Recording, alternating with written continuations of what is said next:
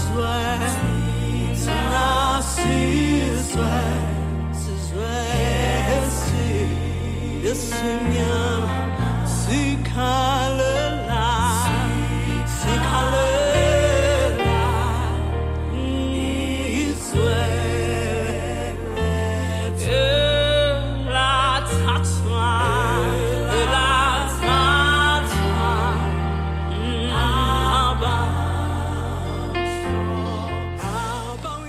Izwe lethu elathathwa abamhlophe. Sithi mabawuyeke umhlaba wethu ingosi umAfrika nenkolo emsakazweni ukhozi FM uhlelo kanye nawe. Njalo nje mengolosine isuka ikhona ke ingosi no Dr Mgogi wezinhlanya mahaye. Siyaqhubeka ke sikhuluma ngomhlaba noingubo yethu esayinikwa umdali. Wathi masilambile siyomba wona umhlaba bese sithola ukuphila. Ha bafika ke bokufika bafike bashaya imithetho eyashiya sizingcelebane.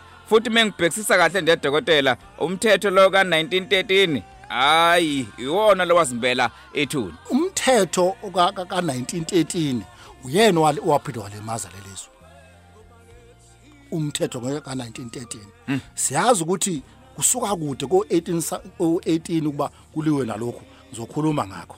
So ukuphucwa kwabansundu ingubo yabo okuwumhlaba noma izwe ngoba abanye babengayiqondi kahle lempica abadala ngizokhuluma ukuthi lento yenzeka kanjani ke amacengwana ngoba kade kuthiwa kade ahamba kanjani? Cha bo wawukhona lapha insizwa.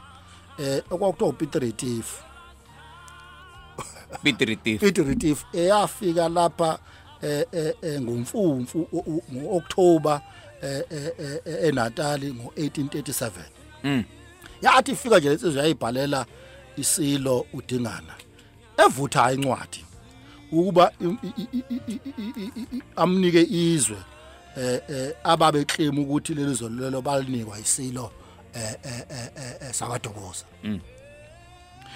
ngakho ke udingana wamthuma kuPeter Retief wamthuma uthi hayi ukuba kamlandele izinkomo zakhe kusigonyela inkosi yabaxokwa uthe uma ebuya nazo wase wase wase demand ukuba asanele incwadi yomhlaba ophakathi kwemifula uthukela umzumvulo umzemvubu kanye nentaba zokhahlamba esebuya nazo lezi esebuye nazi inkomo ethi udingana kamlandele zona kusigonyela wabahloko inkosi yabahloko. Mm.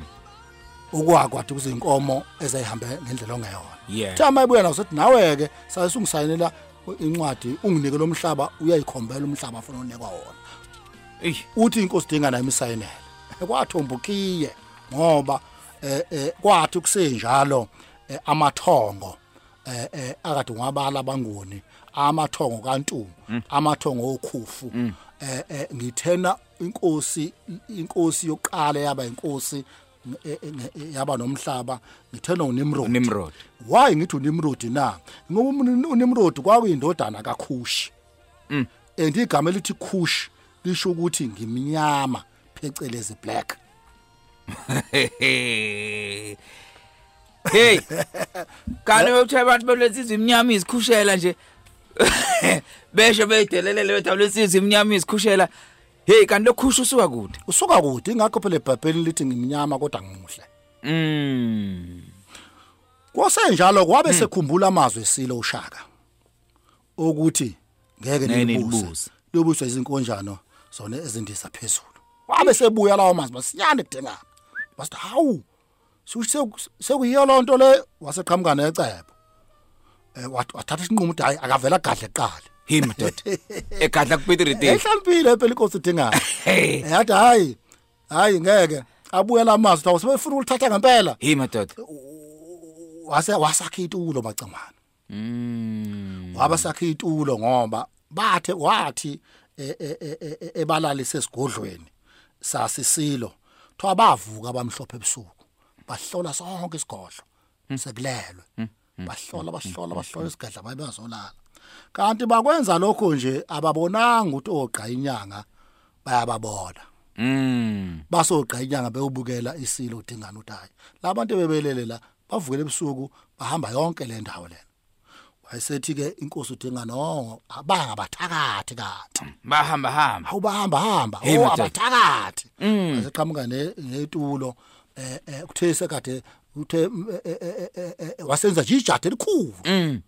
waba umcimbi omkhulu Kwamcimbi. nje ehlo wabiza bonke belunga ngathi ungabangani babo bafika bangena lapha esigodlweni eh kwakhona umcimbi ijadu eh amabutho onke amabutho asenake basenela Mm. namanje kusenzeka moya kwa kwezinye indawo sema heritage site Mm. indawo ezithile ufice kunabantu abaqhamuka phesheya abantu abanyama bese abantu abanyama bese Bebasinela. bebasinela ke ukuthi ba- bafunde mhlambe ngamasiko ala leyo nto yaqala kudala ngesikhathi sikadingana kodwa ayiqalanga kudingana ukuba sinela ngoba babe funa ukuexposewa ekuthenini thina amazulu Sisina kanjani? sisina kanjani cha kwakuyi Kwakunetulo. kwakunetulo Mm, lala lulaza sikwengule. Ngiyafisa ukuthola kabanzi ngaleli tulo dokotela. Isilo udingane owayephezkwalo. Eh ngithanda sememeze sethi sebephakathi abathakathi. kwathi sekuphakathi kwelokungana kwejado kwezakala ingonyama udingana imemeza imemeza ithi sebe phakathi abathakathi.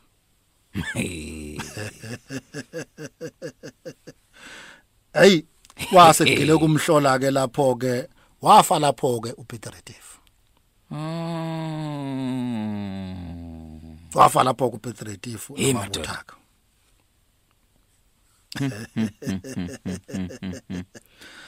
Sabe sesibonda sibekwa ke iphini ngaphezulu macingana. Wafa kanjalo ku Peter Retief naye ehamba nakho. Lokhu kwenzekale kwana ubamba ewinene Mm. lwasuka njalo ukudungunyane lolu ukuzibena namhlanje. Lasuka lapho ukudungunyane lwasuka udungunyane lomhlaba amacingwane. Ngoba khumbula sengishithi kwakubanga umuntu umhlaba ababe ufuna. Eh kwasuka lapho ukudungunya udungunyane lomhlaba ngoba kwabe sekufika uAndres Pretorius.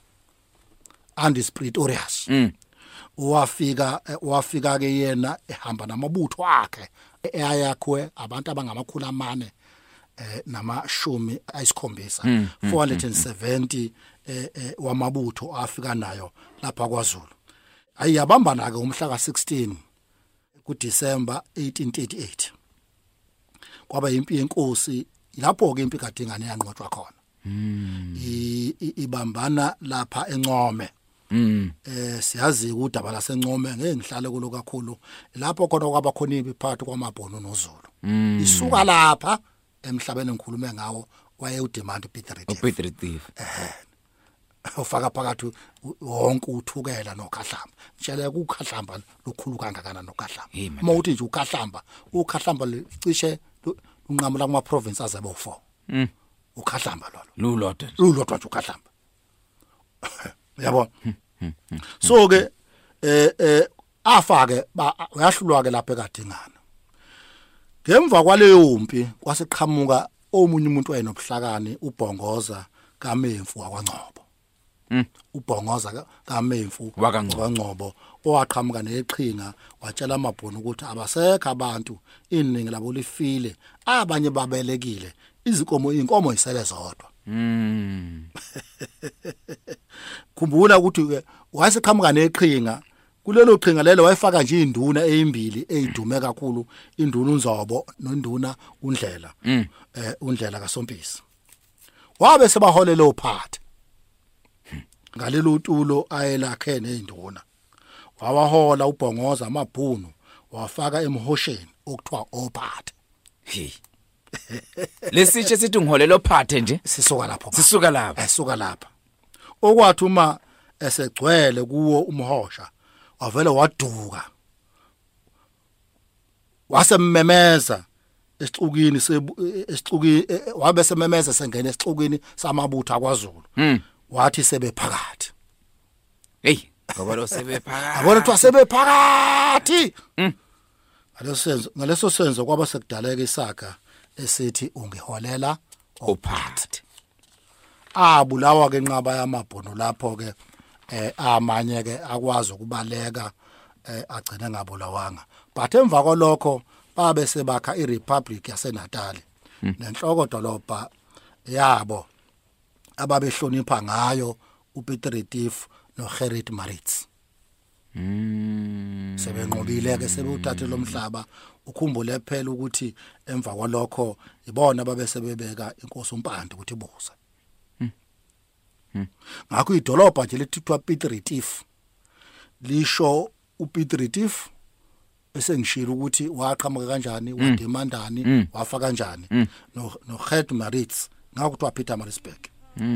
So but indawo yasePeter Maritzburg yona yakwenda endaweni yakwamacebisa inkosazana kaMadzikane kaKhalmesh eMaritzburg Maritzburg indawo kamacebisa leyo hayi he, dokotela. Akeke siyafunda la siyafunda. Sithola umlando ukuthi kanti idolobha iPiet Retief laqanjwa kanjani? Sithola umlando ukuthi idolobha iPeter Maritzburg yona yaqanjwa kanjani? Nokuthi kwakuyindawo kabani yona iMaritzburg?